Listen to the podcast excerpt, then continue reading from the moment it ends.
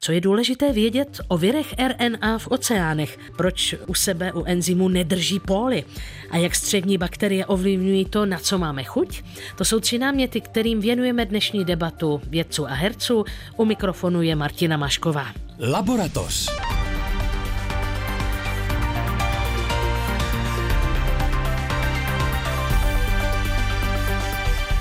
Pozvání do dnešní rozhlasové laboratoře přijali biochemik Jan Konvalinka. Dobrý den. Jan Pačes, molekulární genetik a bioinformatik. Dobrý den.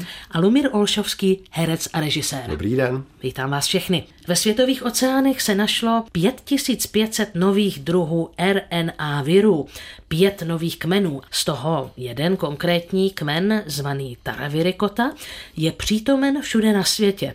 Autoři studie říkají, má zřejmě důležitou ekologickou misi. Překvapilo to i Jana Konvalinku? Mě to překvapilo velmi. To je takový výzkum věcí, který jsme si dřív nevšímali. On je to malinko jako v tom vtipu, jak ten pán hledá ty klíče pod lampou a teď mu pomáhají ty lidi kolem a nemůžou to najít a ptají se, kde ty klíče ztratil a on říká tamhle, tamhle za rohem a my říkají, proč to hledáte tady? A on říká, no tady svítí ta lampa. Bakteriologové, mikrobiologové sto let hledají nové bakterie na živných půdách a až po sto letech je napadlo, že, že vlastně hledají a zkoumají ty, který jim dobře rostou na těch živných půdách. A těch, který nerostou na těch živých půdách, je stokrát tolik, ale těch si nikdo nevšim, protože oni na těch živných půdách nevyrostli. Tak až teď nedávno díky novým molekulárně biologickým metodám, které máme, tak se začaly hledat ty bakterie a jiný mikroorganismy a také viry všude jinde, například v mořích. A tady je iniciativa využívající plachetnici Tara, která objíždí svět, vybírá vzorky posluchači tomhle pořadu slyšeli určitě příběhy Julka Lukeše z, z Jižních Čech, který se účastnil takové výpravy a my mu to všichni závidíme. Sbírají tady ty vzorky a potom různými metodami v nich hledají ty nový organismy, které jsme předtím nehledali. Jedni z nich jsou ty RNA viry. Nevím, jestli i pro molekulárního genetika, jestli je atraktivní to, že se prostě zaloví nějakou, já si to představuji jako obrovskou sítí v oceánu a vyloví se 5500 nových druhů RNA virů. Hmm.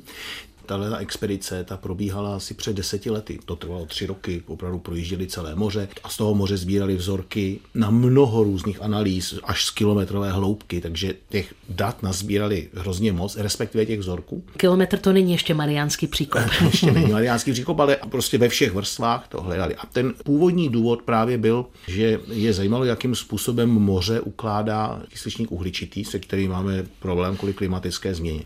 A oni to tam dělají ty mikroorganismy, které vlastně pomocí fotosyntézy ho ze vzduchu akumulují a potom klesnou na dno a tam pak z toho vznikají nějaké sedimenty.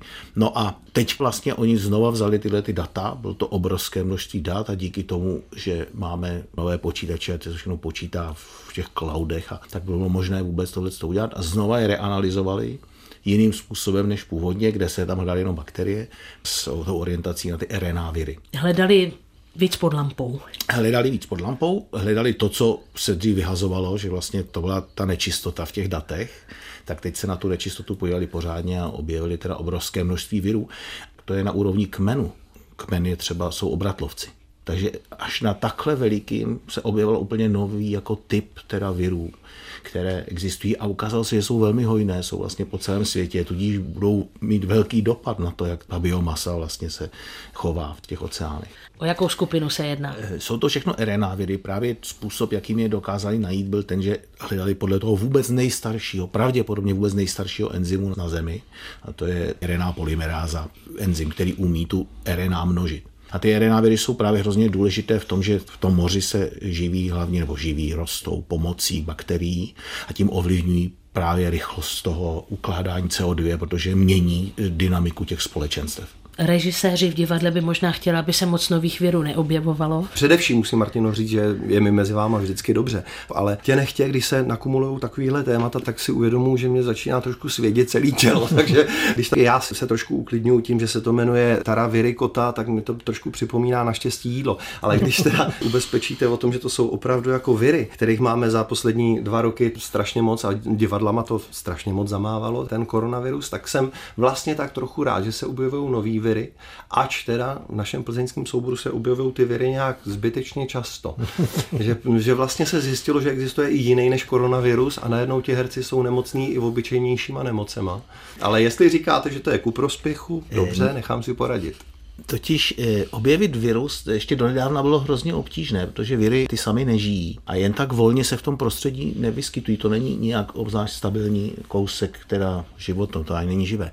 Eh, a dřív, když jste chtěl objevit nějaký virus, tak jste musel napřed objevit ten organismus, ve kterém ten virus se může namnožit. Pak jste musel dobře porozumět tomu, jak se ten organismus chová, abyste poznal, že je nemocný. A pak v tom nemocném organismu jste teprve hledali, proč vlastně je nemocný a třeba jste našli virus. Takže ta virologie ta našla několik virů kdysi dávno, to se hodně, ta virologie začala s tou molekulární biologií, protože to jsou nejjednodušší částečky, to je biologie, ale pak se o tu biologii nikdo nezajímal, protože to bylo prostě hrozně obtížné. No a teďka díky těm novým technologiím, kdy opravdu my můžeme prostě nabrat mořskou vodu, tou technologií osekvenovat všechno, co tam je, tak se zase zpátky vracíme a zjišťujeme, že teda těch virů je opravdu na tom světě hodně. Kam byste teď tenhle objev po deseti letech, by se dalo říct, po proskoumání těch obrovských cloudů, jak byste v té studii pokračovali dál? Tam se Jana Konvalinky. Tady je jednak ten metodický aspekt, je fascinující, že vlastně to umíme udělat. Ještě připomínám, že to jsou RNA viry a RNA, to se myslím učí už na střední škole, RNA je velmi málo stabilní molekula, méně stabilní než DNA, takže studovat RNA viry je zase ještě těžší, než studovat DNA viry. A přitom je to užitečný. Kolegové na VŠHT našli metodu, jak hledat RNA z koronaviru, bohužel teda ve odpadních vodách. A opravdu to bylo velmi prakticky užitečné, protože viděli nárůst té, té epidemie podle toho, kolik bylo RNA viru ve splaškových vodách přicházejících z jednotlivých pražských škol. Čili s nemuseli, s předstihem. Nemuseli otravovat ty děti a tě máme teď ty metody tak neuvěřitelně citlivé, že dokážeme eh, detekovat i takhle malé množství té RNA. Takže to je první věc. Máme tady ohromný metodický průlom. Potom je to to, co říkal Jan Pačes, to znamená, že máme umělou inteligenci a počítačové možnosti, které nám umožní ta obrovská spousta dat. A co to říká o světě, ve kterém žijeme, tak je mnohem barevnější, než si dokážeme představit. Fyzikové před pár dekádami objevili tu temnou hmotu, o který to je vlastně malinko podobný. Taky oni vůbec nevěděli, ona se neprojevovala, až jim v těch rovnicích přestávalo něco vycházet, tak si uvědomili, že tady máme víc než 90% hmoty, o které jsme vůbec nevěděli a nepočítali jsme s ní přesto tady je. A má to ještě evoluční důsledky. Posluchači určitě slyšeli o té zajímavé představě RNA světa, který předcházel tomu našemu současnému světu a z tady toho ohromného rozšíření RNA virů a RNA vůbec bych já osobně viděl jako nepřímý podporný důkaz, že by to tak opravdu mohlo být. Jako jestli tím, že získáváme čím dál víc a víc informací o tom, co nám může škodit, tak jestli nás to bude upevňovat anebo zeslabovat jako člověka. Ale já si myslím, že tady v tomhle případě se nejedná o viry škodlivé, to je prostě součást toho celkového koloběhu a ono by to bez nich nešlo. Oni mají celou řadu funkcí, které jsou zásadní pro to fungování těch společenstev a které by bez nich jinak nefungovaly. Takže to, že některý virus potom působí třeba chorobu zrovna u člověka, to je spíš jako výjimka ve většině případů je to důležitá součást. Navíc on nerad teda, on to nechce dělat, to je jenom jako nothing personal, on si no, tak jenom množí, že jo, chudák. To je, to je teda do diskuze.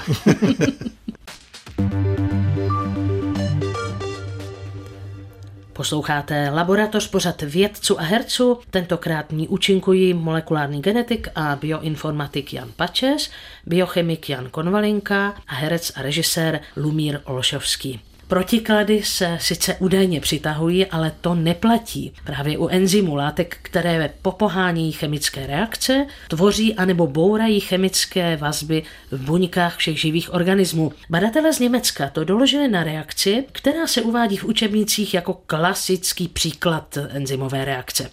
Kdyby u ní enzym nebyl, trvala by údajně, představte si, až desítky milionů let.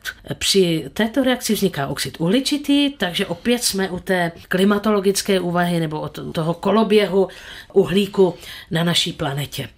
Biochemik by nás mohl trochu navést. Poprosím Jana Konvalinku, čím je tahle záležitost zajímavá, podnětná, proč by nás měla zajímat? Enzymy fungují tak, že na sebe navážou tu látku, kterou by chtěli přeměnit, to je, se říká substrát, a ta se při tom navázání dostane do něčeho, co mu se říká přechodový stav. A teď z toho přechodového statu se přemění do konečného stavu. V tomhle případě vzniká z oroditínu udidín. Což mimochodem udidín je důležitá součást nukleových kyselin, konkrétně RNA. To je ta báze, kterou se RNA liší od DNA. Jsme u původu života v ano, přesně tak. Teď jsou dvě takové základní představy. Jedna z nich je, že ty enzymy to, co dělají, že stabilizují ten přechodový stav nebo nějakým způsobem destabilizují ten základní stav toho substrátu, že mu v něm není dobře a on se radši rozpadne na ty produkty. A dlouho si říkalo, že učebnicovým příkladem téhle destabilizace základního stavu je právě ta orotidín dekarboxyláza, protože tam je záporně nabitý karboxylát, v aktivním místě jsou náporně nabité zbytky a ty se vzájemně odpuzují, čili tomu substrátu udělá dobře, když se rozpadne, protože potom tam nebudou ty, ty minus minus, které se normálně odpuzují. No a tady ti odborníci přišli na to, že to není pravda, což ve vědě máme rádi, když přijdeme na to, že něco není pravda. Oni zjistili velmi krásnou, zase metodicky nádherně udělanou prací se spoustou rengenových struktur, že tam ve skutečnosti hrají klíčovou roli proton, což je kladně nabitý kousek, který vlastně přemostí ty dvě záporně nabité zbytky a tím pádem vlastně není pravda, že by tam byla nějaká repulze dvou, dvou záporně nabitých eh, skupin, ale že ve skutečnosti to celé je tou stabilizací toho přechodového prvku. Tak tohle se děje na jaké úrovni? Tohle se děje na úrovni metabolismu buňka, kdy buňka potřebuje si udělat uridín, aby mohla syntetizovat RNA. Každá naše buňka. Každá naše buňka, nebo taky ty viry to potřebují, aby mohly vytvořit novou molekulu RNA. Potřebuje to ta RNA dependentní RNA polymeráza, od které jsme mluvili před malou chvilkou, která vytváří nové částice RNA. A ten uridín je stavební složka této RNA. Takže ty, eh, ty eh, jak bakterie, viry, tak i lidské buňky potřebují a dělají to mimo jiné prostřednictvím tohohle enzymu. Protiklady se v tomto případě nepřitahují, ale stejně říkáte, že mezi tím plus je, takže, eh, takže jste potvrdil, že protiklady se, se přitahují vždycky. Druhá věc, na kterou jsem tady přišel, tady píšou, že enzymy jsou to, co urychluje reakce. Právě přemýšlím o tom, jaký enzym by byl potřeba, aby urychloval reakce v mozku mozku, jestli existuje nějaká taková látka, která by se mohla dodávat.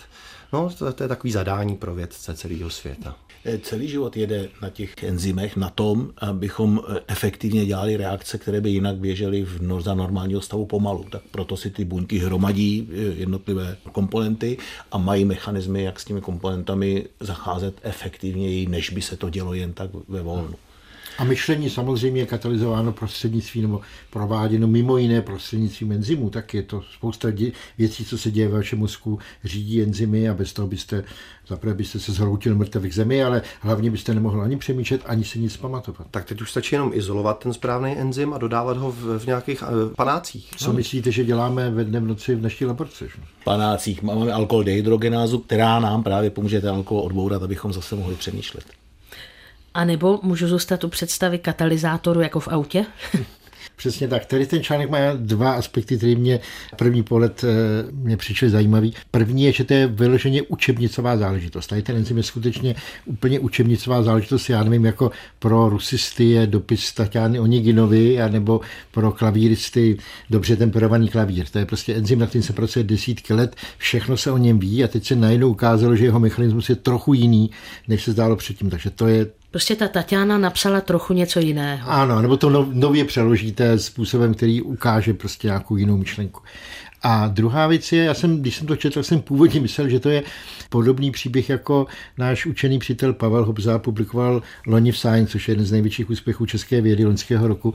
A ten taky vlastně přišel na to, proč existuje to, čemu se říká halogenová vazba. A to je taky divný, protože to je vazba mezi dvěma záporně nabitými atomy, které se přitahují, v tomhle případě mezi bromem a kyslíkem.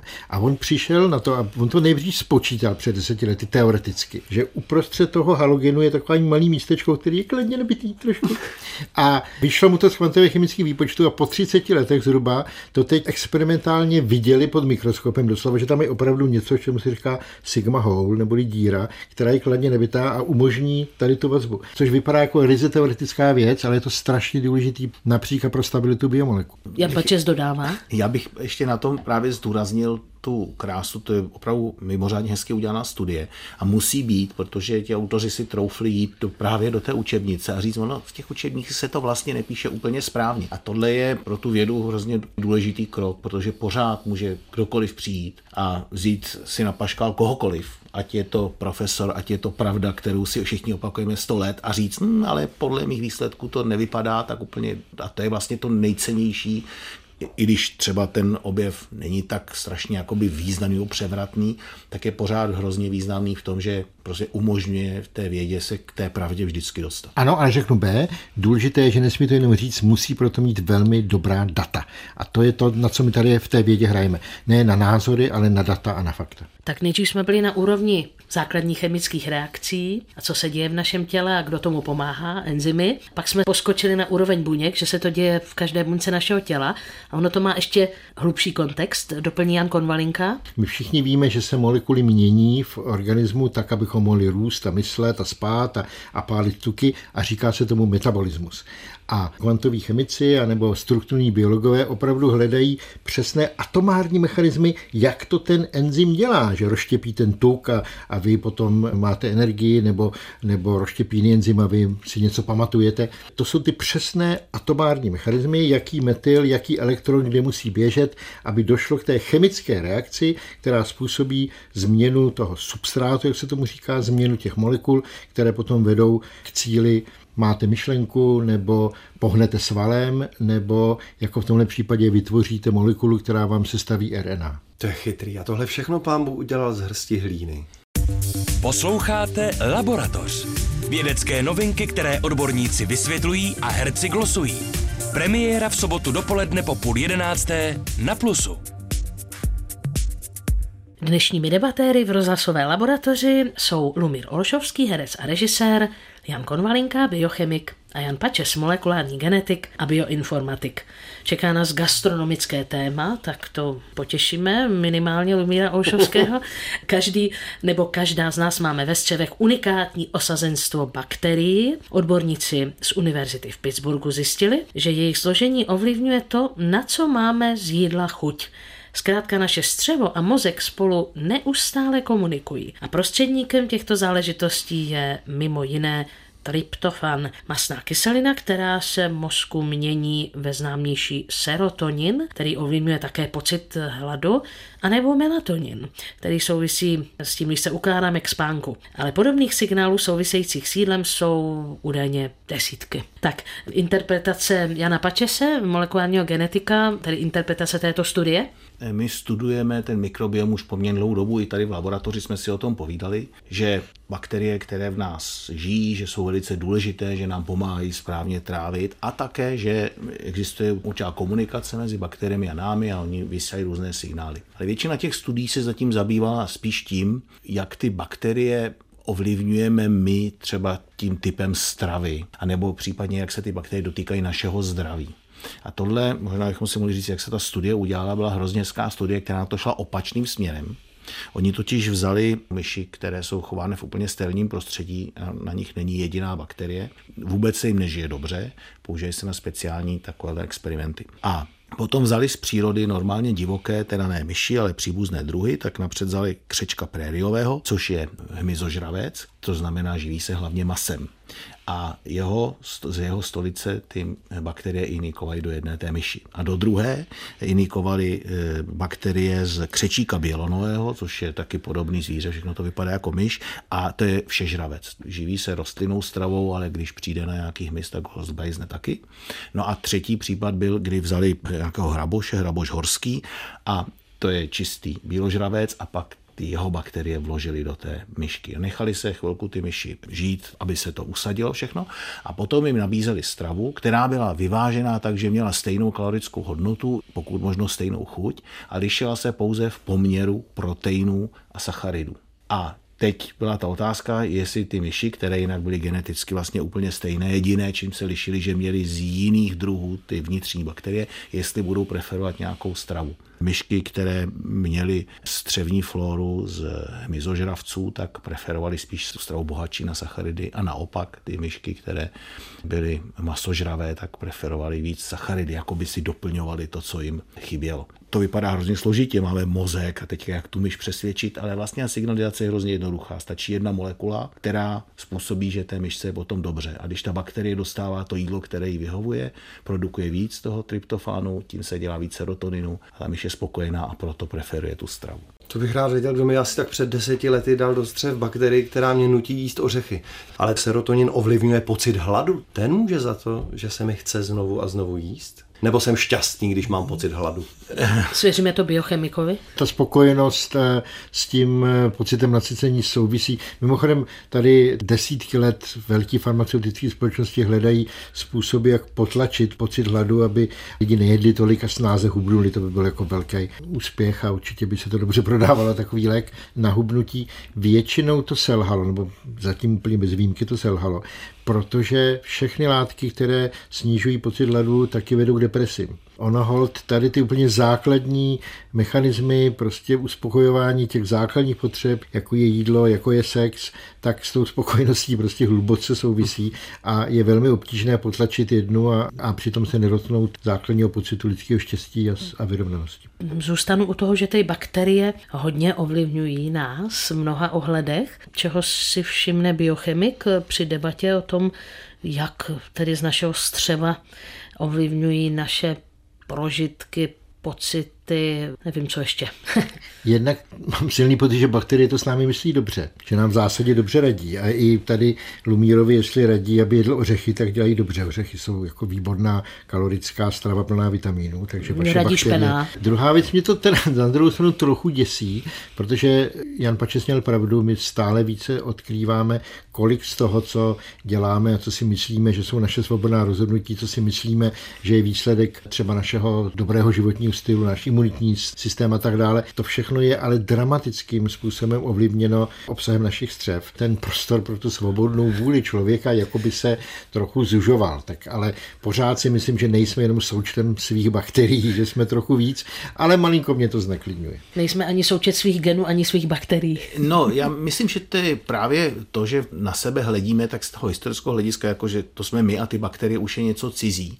Ale ono ve skutečnosti v tom životě nic není takhle osamoceno. Je to všechno propojené a my bychom možná na toho člověka měli spíš koukat tak jako na takový balíček nejenom těch našich genů, ale i těch bakteriálních genů. Oni spolu prostě všechny kooperují.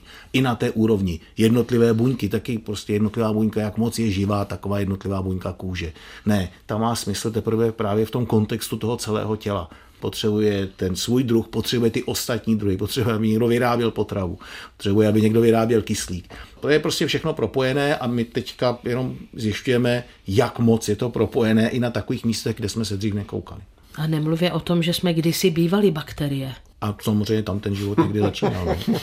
Já si to nepamatuju, že jsem byl bakterie. Ale eh, ta, ta svobodná vůle, to mě napadlo, že vlastně, když mluvíte o tom, že naši svobodnou vůli ovlivňují bakterie, Není tam fakt ani kousíček toho, že bych si ze svobodný vůle dodal do těch střev bakterií jiného druhu, ale omylem se to taky může stát. A prostě najednou uprostřed života se to moje tělo pře, přeorganizuje. Ano, já mám zkušenost, já jsem před pár lety hodně změnil e, výrazně životosprávu, začal jsem jíst pravidelně jogurt, bílý jogurt k snídani a já jsem možná změnil víc věcí, takže ten experiment nebyl jaksi dokonale kontrolovaný, ale já mám od té doby lepší náladu. A mám osobní hypotézu, že ten jogurt po ránu tomu hodně pomáhá. Eh, ne, určitě to souvisí. Tak, když je to tělo v rovnováze, nejenom uvnitř, ale i s tím svým okolím, tak to jednoznačně má ten eh, výsledný efekt toho vlastně té větší spokojenosti. A všechno, když prostě to dobře funguje, to dobře namazáno, no tak je to prostě radost. No. Myslím, že existuje terapie, kdy je snaha u lidí vyměnit tedy ten střevní obsah, aby se vylepšilo zdraví. Ano, je to stále populárnější transplantace eh, toho mikrobiomu. Dělá se to poměrně eh, nechutným způsobem, teda přes, přes výkaly, ale má to velmi příznivé eh, terapeutické účinky, hlavně u autoimunních chorob, kde to zdá se funguje velmi dobře. Čili to je další důkaz pro to, jak správné sestavení toho mikrobiomu našich střev ovlivňuje velmi hluboce celou řadu našich tělesných funkcí. Tak já nevím, roztroušená skleroza, na tu se ještě lék třeba nenašel, ale postupně třeba by i tohle mohlo pomoct? Když je člověk nemocný bakteriálně a bere antibiotika, tak vlastně velmi výrazným způsobem změní ten svůj mikrobiom. A po antibiotikách je potřeba jíst nějaká ta probiotika, to znamená vlastně jogurty, aby zase se znova osídlil a správným způsobem. Tak jak to může posunout naše uvažování o zdraví a nemoci, o souvislosti mezi výživou a nemocemi? Myslím si, že se třeba při některých nemocech bude právě měřit mimo jiné i to, jak je člověk osazen, jakými bakteriemi a už víme o druzích nebo kmenech jednotlivých bakterií, které tam mohou způsobovat potíže a možná, že bude doba, kdy se prostě takové věci budou testovat. Ale přiznejme si, tohle je zatím hodně základní výzkum. My teprve zjišťujeme, že to, že, jsme, že máme bakterie v sobě, to víme dlouho, ale jak mají velký význam, to vlastně se teprve zjišťuje a jaké to má dopady. A hlavně, jak moc to můžeme ovlivnit, tak to ještě si myslím, že není úplně jasné. Navíc ta studie na myčích je zajímavá, vůbec ji nějak nespochybnuju, ale, ale k člověku je strašně daleko. V dnešní laboratoři vědců a herců účinkovali molekulární genetik a bioinformatik Jan Pačes. Děkuji. Naslyšenou. Biochemik Jan Konvalinka. Děkuji za pozvání. Děkuji též. A Lumír Olšovský, herec, režisér a rovněž pravidelný host našeho pořadu. Těšilo mě naslyšenou. Posluchačům připomenu, že naši debatu si můžou stáhnout ze stránky plus rozhlas.cz nebo nás najdete v podcastových aplikacích. Martina Mašková se těší zase za týden naslyšenou.